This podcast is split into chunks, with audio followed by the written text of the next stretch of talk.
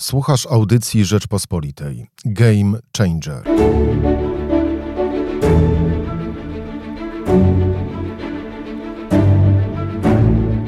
Czy polityka zmienia się pod wpływem przełomowych wydarzeń? Czy jest coś takiego jak game changer? Czy politycy rzeczywiście mogą wpływać na społeczeństwo i jak to będzie wszystko wpływać na kampanię prezydencką? Na program zaprasza Michał Kolanko. Dzień dobry, profesor Ewa Marciniak, Wydział Nauk Politycznych Uniwersytetu Warszawskiego. Dzień dobry. Chciałbym zapytać, czy uważa Pani, że politykę zmieniają bardziej wydarzenia, czy bardziej polityka zmienia się jako pewien proces? Jeśli miałabym dokonać e, wyboru między jednym i drugim lub zbudować jakąś hierarchię, to powiedziałabym, że najpierw wydarzenia, które uruchamiają procesy. Procesów nie można ignorować, bo wydarzenia y, niestety albo być może pożytecznie y, właśnie na te procesy wpływają i wydaje się, że będziemy mieli do czynienia czy mamy do czynienia cały czas y, właśnie z tymi dwoma aspektami w czymś, co my nazywamy procesem politycznym. Czyli w jakimś sensie politycy mogą próbować kreować, y, czy kreując wydarzenia takie szczególnym znaczeniu, mogą próbować wywrócić stolik, tak jak to się e, mówi, albo właśnie, właśnie zrobić coś, co będzie takim, jak to e, się się mówi też game changerem, czyli e, też e, takim wydarzeniem, które po prostu zmienia sytuację polityczną, zmienia reguły, reguły gry. Uważa pani, że takie wydarzenia są w ogóle, że zmieniają całkiem reguły gry? Ja myślę, że politycy mogą i kreować, i zarządzać tymi wydarzeniami, czyli świadomie, w sposób systematyczny, właśnie celowy, wpływać na to, które wydarzenie kiedy będzie miało określone konsekwencje. I to oznacza, że czas w polityce jest niezwykle istotny na przykład czas przed kampanią wyborczą, czy właściwie w okresie tak, tak zwanej prekampanii wyborczej, to właściwie wszystkie wydarzenia są w kontekście właśnie rezultatów y, kampanii wyborczej, czyli politycy nie tylko kreują, a nawet mają zdolność do, do zarządzania tymi wydarzeniami. Jest na przykład też taka teoria, yy, jest, są też takie teorie, czy przekonanie, że politycy są w zasadzie mają mało możliwości, paradoksalnie mają mało możliwości jednak kreowania tych wydarzeń. Za dużo się, za bardzo skomplikowany jest świat, za dużo jest procesów gospodarczych, ekonomicznych, zewnętrznych, że politycy są w zasadzie w zasadzie e, bezwolni wobec tego, co się dzieje na zewnątrz, że nie mają siły sprawczej, nawet jako premierzy, prezydenci, liderzy partii, że są, mogą tylko reagować a obiektywne uwarunkowania geopolityczne, uwarunkowania o charakterze makro i mikro, oczywiście y, mają bardzo istotne zdarzenie, ale mądry polityk umie te wydarzenia wykorzystać na własną korzyść, właśnie dla tej kreacji i dla przewidywania konsekwencji, na przykład rezygnacji z udziału w wyborów, albo wręcz odwrotnie deklaracji, że będzie brał udział w wyborach wizyty w jakimś kraju sąsiednim, czy zaniechania współpracy z tym krajem sąsiednim, to w zależności od tego, o jakiej polityce mówimy. Chyba takim najbardziej obiektywnym czynnikiem jest jednak ekonomia.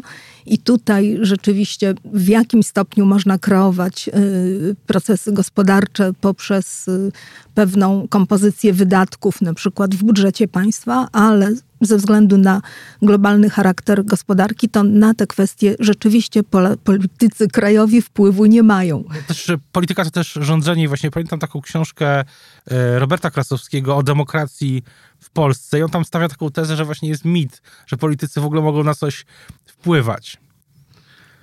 No, ja z tym bym się nie zgodziła, bo na przykład y, jeśli y, mamy decyzję Adriana Zandberga, że nie będzie startował w wyborach, ponieważ on chyba, to jest moja interpretacja, nieco inaczej definiuje politykę, jak, politykę jako pewien proces, w którym stawia się również cele odległe. I tym jego celem odległym, dzisiaj formułowanym, być może nierealistycznym, ale kto nie formułuje celów, ten ich nie osiąga jest przygotowanie lewicy do sprawowania władzy. Więc on rezygnuje z własnych osobistych celów, pewnie z własnej może perspektywy sukcesu, bo sądzę, że byłby w stanie zdobyć koło 20% w wyborach prezydenckich na rzecz innej wersji polityki, takiej bardziej właśnie rozumianej jako dobro wspólne i tak dalej. A i konsekwencją tego jest, że lewica wystawia dzisiaj y, Roberta Biedronia, czyli polityka, który startował y, właściwie zawiódł nadzieję części elektoratu, bo taki elektorat był, który entuzjastycznie wręcz odniósł się do projektu Wiosna. No i teraz właściwie to już jest trochę taka y, y, spóźniona, właściwie nieoczekiwana, a właściwie wymuszona kandydatura lewicy. To jest wpływ? Jest. Wracając do przeszłości, a gdyby pani miała spojrzeć w przeszłość na te ostatnie lata w polityce, już załóżmy, że załóżmy od czasu wyborów e, parlamentarnych w 2015 roku i ich wynik jest nam doskonale znany, tak jak wynik poprzednich wyborów, to co, co było takim przełomem albo takim czymś, czego my w krótkiej perspektywie nie dostrzegaliśmy?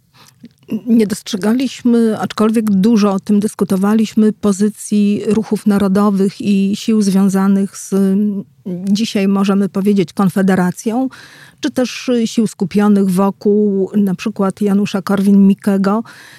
I mm, oczywiście ciągle były dyskusje, jakie jest poparcie dla takich, takich odłamów y, myśli nacjonalistycznej, narodowej, wolnorynkowej czy skrajnie y, wolnorynkowej.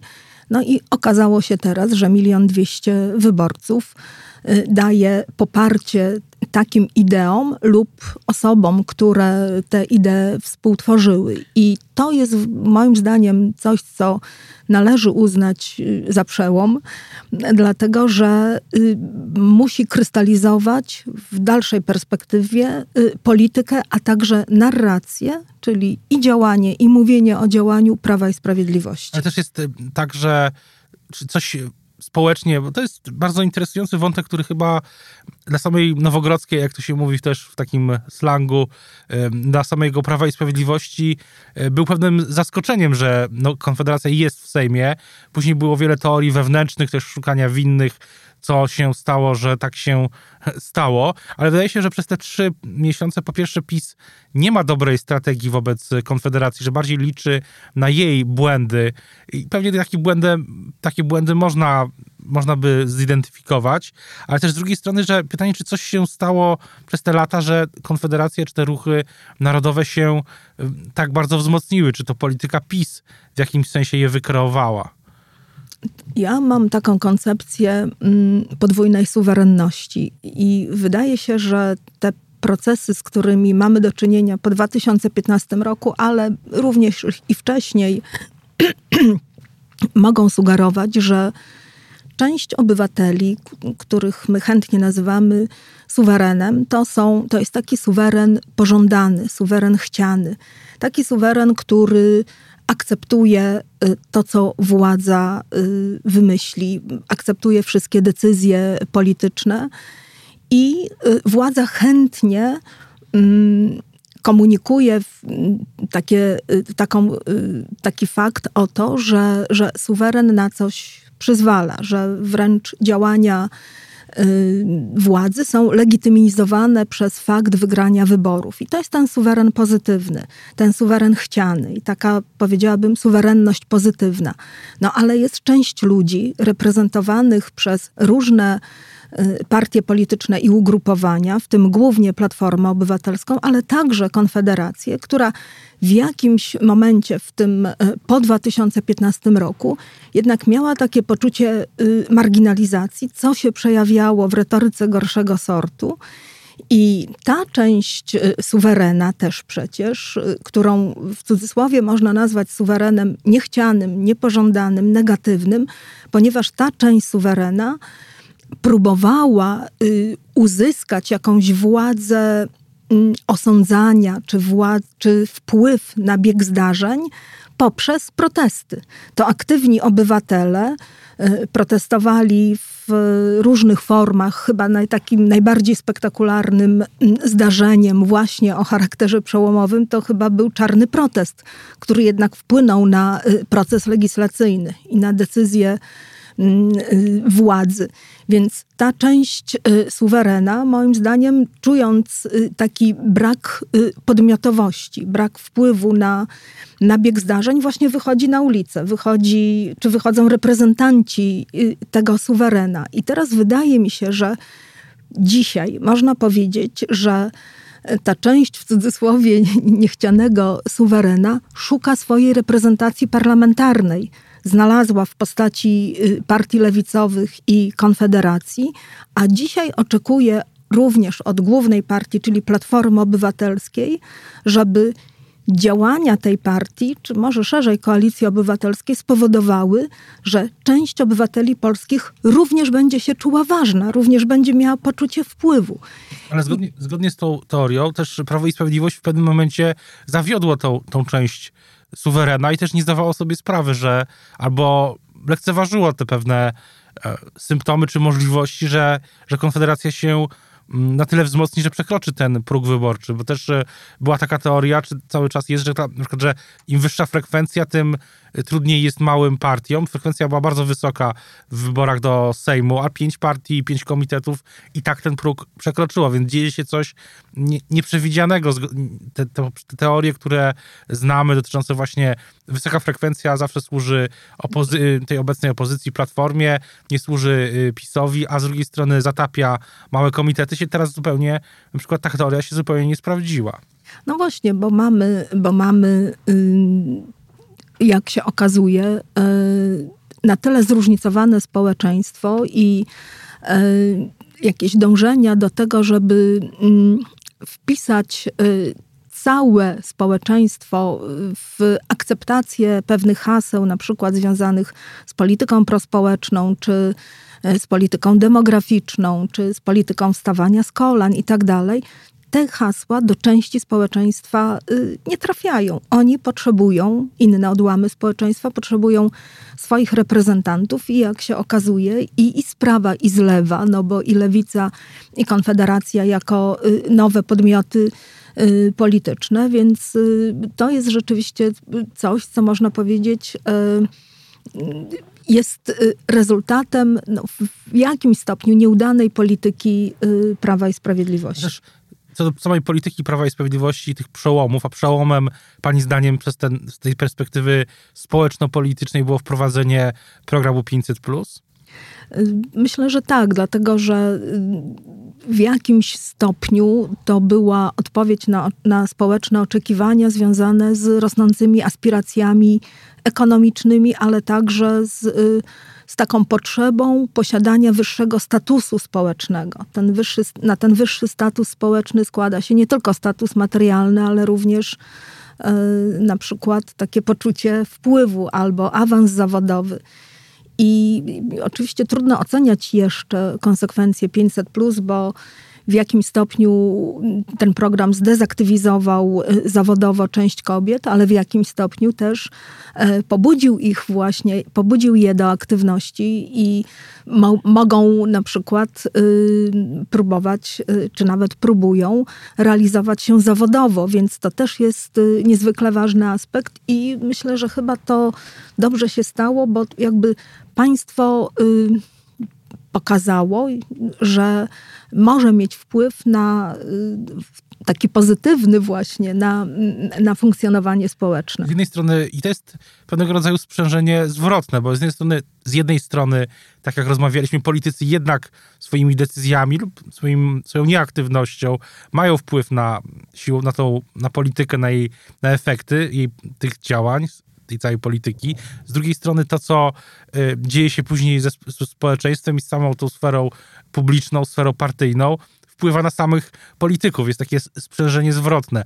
Zastanawiam się, zastanawiam się, czy bardziej właśnie politycy wpływają na społeczeństwo i na politykę, czy bardziej społeczeństwo i polityka, politycy, i ta polityka wpływa na nich samych? Tak, to jest to pytanie z cyklu, y, które święta są ważniejsze, wielkanocne czy, czy Bożego Narodzenia i tu rzeczywiście trudno, trudno jest rozstrzygnąć, ale jeśli mm, uznamy, że y, politycy to jest jednak elita z tą siłą kreacji, z siłą tworzenia, różnych, różnych stanów rzeczy, choćby na przykład podejmowania decyzji ekonomicznych, y, podatkow, w tym podatkowych i tak dalej, no to uznajmy, że jednak ta elita polityczna ma wpływ na to, jak my funkcjonujemy. Z drugiej strony Prawo i Sprawiedliwość pokazała, że trzeba rozpoznać y, y, to, co, to czego oczekują ludzie, tak, tak zwani zwykli ludzie i, i to po prostu im dać. To czasami się nazywa populizmem i my dzisiaj, znaczy kiedyś mówiło się o tym, że, że mm, populizm e, jest właściwy tylko dla takich partii y, prawicowych, konserwatywnych i tak dalej, to można mówić o różnych rodzajach populizmu oczywiście, i lewicowym, i, i prawicowym, ale y, jakkolwiek tego nie nazwać, to to wsłuchiwanie się w głos ludu, jest dzisiaj takim, powiedziałabym, nieuchronnym e, czynnikiem sukcesu i w wyborach parlamentarnych, i w wyborach prezydenckich. A to rozpoczął PiS. I też e, politycy PiS w kuluarach, nie tylko, nawet oficjalnie, przyznają się całkiem szczerze, uważają to za poniekąd to dla ich wyborców jest e, też nobilitacją w jakimś sensie, że przyznają się, że najbardziej na to, co robią, wpływa to, co usłyszą na spotkaniach e, z wyborcami. I, i też e, wydaje się, że na przykład kwestia sądownictwa to jest kwestia, którą są relacje też, że na przykład prezydent Duda na swoich spotkaniach wyborczych prawyborczych, przepraszam, prekampanijnych w, w Polsce, w mniejszych miejscowościach słyszy od wyborców, że trzeba coś trzeba sądy zmienić, zreformować i później działa tak, jak e, biorąc to pod uwagę, też kalibrując swój, swoje przesłanie wobec tego. Wydaje się, że PiS mm, w tym słuchaniu wyborców suwerena, jak to e, Prawo i Sprawiedliwość mówi, jest e, na pierwszym miejscu. I inne partie y, muszą podążać tym tropem. Tylko oczywiście y, zależy, kogo słuchamy zależy jakie pytania zadajemy, to też to usłyszymy. I myślę, że też politycy uzyskali taką zdolność do z jednej strony zadawania pytań czasami z ukrytą tezą, z drugiej strony pytania odpowiednich odłamów społeczeństwa, bo co innego usłyszymy w Warszawie, a co innego usłyszymy w mieście, które ma 5 tysięcy y, mieszkańców, więc to też jest bardzo ważne, że że y, politycy, na przykład politycy rządzącej partii, y, słuchają trochę też y, w taki sposób, żeby podtrzymać swoje dotychczasowe decyzje. A zawsze łatwo można powiedzieć, bo usłyszeliśmy.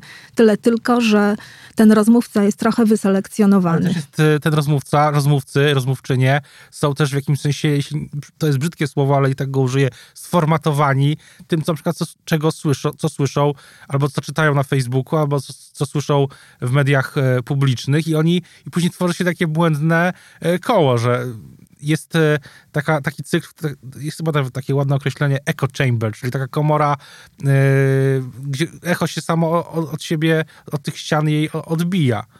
Tak, my mówimy czasami, że media, że, że jest takie zjawisko rezonansu telewizyjnego, że rzeczywiście my na przykład w badaniach opinii publicznej powtarzamy to, co usłyszeliśmy w telewizji. Kto w telewizji, kto w internecie, kto przeczytał w mediach społecznościowych, to zależy z jakich źródeł czerpiemy informacje, ale rzeczywiście wielokrotnie powtarzane pewne tezy, y, one y, na tyle mają zdolność przylegania do do naszego umysłu i do naszych poglądów, że my wkrótce uznajemy je za swoje. I, i jeśli one choć trochę pasują do naszych wcześniejszych y, przekonań, to proces utożsamiania się z, tymi, e, z tym, co słyszymy w telewizji, jest bardzo intensywny i zachodzi stosunkowo szybko. Więc te, te, te bańki informacyjne, o których mówimy, one rzeczywiście funkcjonują i potem się dziwimy, że ktoś ma inne poglądy. A jak się nie dziwić, skoro my słuchamy tylko tych, którzy mają podobne do nas. Z drugiej strony, kiedy myślę o tych e, spotkaniach z wyborcami, na których politycy słyszą coś i później podejmują lub nie podejmują decyzje, to przypominają mi się historie, które ja słyszałem od polityków Platformy mm, przez ostatnie miesiące, w zasadzie już lata, że na tych spotkaniach z wyborcami, bo nie można powiedzieć, że politycy Platformy ich nie odbywali, ale na tych spotkaniach z wyborcami słyszeli dwie sprawy. Żeby się zjednoczyć, co się w jakimś sensie mm, częściowo na pewno w tym rdzeniu tej opozycji liberalnej y, udało. Y, a druga rzecz, powstała koalicja obywatelska z różnymi jej tam E, z, różnymi odłamami. A z drugiej strony słyszeli, e, tak opowiadali dziennikarzom, w tym e, mnie, że no, zmieńcie Grzegorza Schetynę. I to też się stało. I ja uważam, że jest to przełom, dlatego że mm, rezygnacja w bardzo ważnym y, punkcie tego procesu politycznego, kiedy mamy wybierać prezydenta, rezygnacja z bycia szefem, szefem głównej partii opozycyjnej, to jest y, wydarzenie powiedziałabym o charakterze przełomowym, dlatego że y, jednak wpływ na to, jaka będzie kampania, jak będzie wspierany y, kandydat y, partii, ma kondycja tej partii i kondycja taka społeczno-psychologiczna jej liderów. I teraz jest pytanie, czy Platforma Obywatelska będzie działała na rzecz właśnie pokazywania siebie jako partii, która ma zdolność do wsparcia y, pani marszałek Kidawy-Błońskiej, czy też partia koncentruje się właśnie na wewnętrznych wyborach i pokazuje się jako partia frakcyjna, wielofrakcyjna, bo można przyjąć, że liczba kandydatów jest odzwierciedleniem jakichś nurtów y, w platformie obywatelskiej.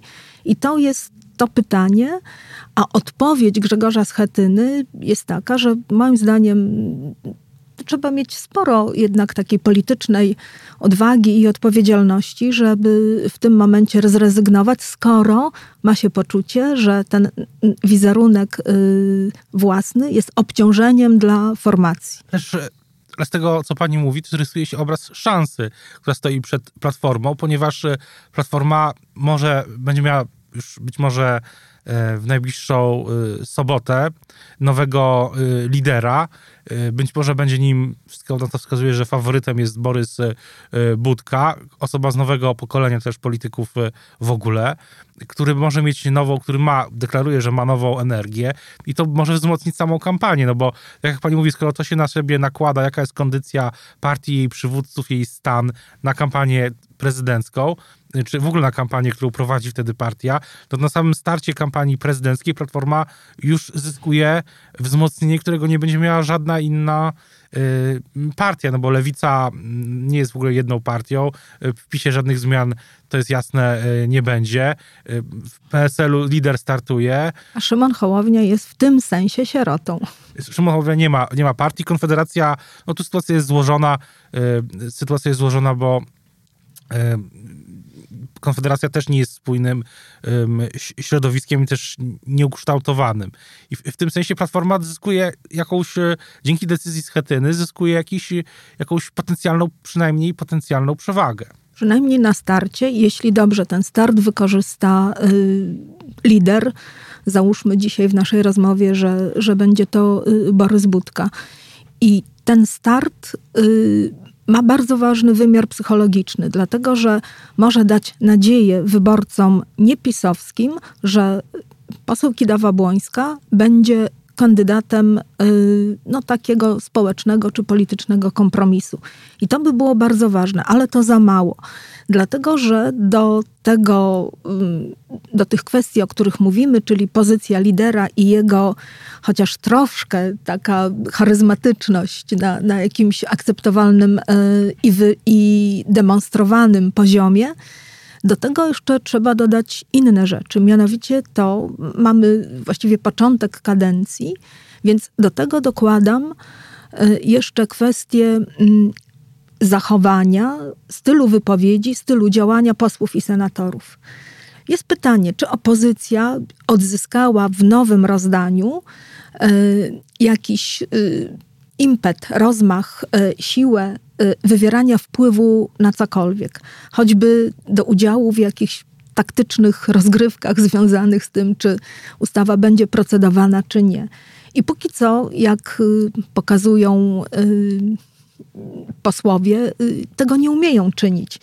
A suma drobnych zdarzeń, czyli zachowania w czasie debat parlamentarnych, wypowiedzi posłów, obecność i nieobecność, suma tych drobnych zdarzeń, ona może sprawić, że ten obraz partii opozycyjnej będzie Y, korzystny, to znaczy korzystny dla jej wyborców, bo o co chodzi tak naprawdę?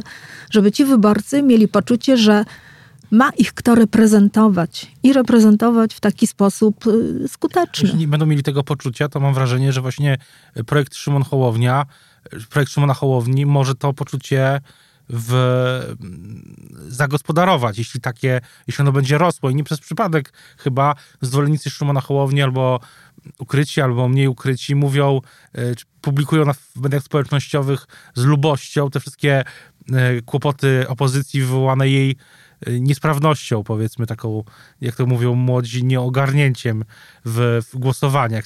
Ja się nie dziwię, że, że właśnie ludzie kibicujący Hołowni rozsyłają na przykład dziennikarzom kolejne wpadki, no bo to działa na korzyść właśnie tego poczucia niezagospodarowania. Dokładnie. My chcemy widzieć w swoich reprezentantach, czy to w posłach, czy w kandydatach na, na y, urząd prezydenta, siłę.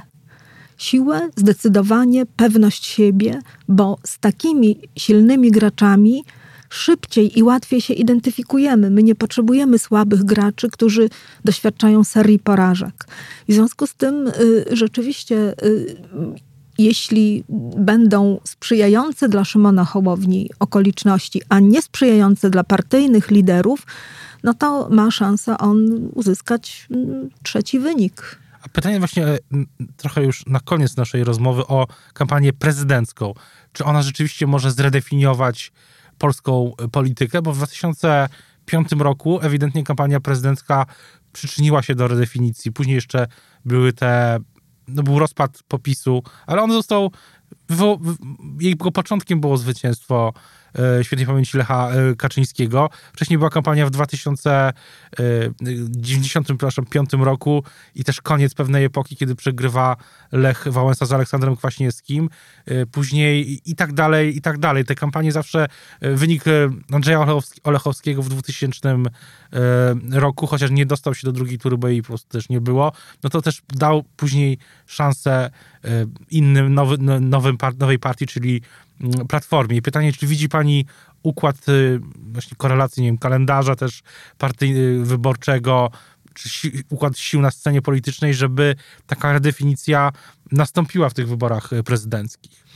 To jest niezwykle ciekawe pytanie i myślę, że trochę też będzie zależało od tego, jak będzie przebiegała wojna polsko-polska w Parlamencie Europejskim bo ten fakt tej y, werbalnej, tych werbalnych napięć y, może być mocno wykorzystywany przez obie strony, czyli mm, Prawo i Sprawiedliwość i Platformę Obywatelską.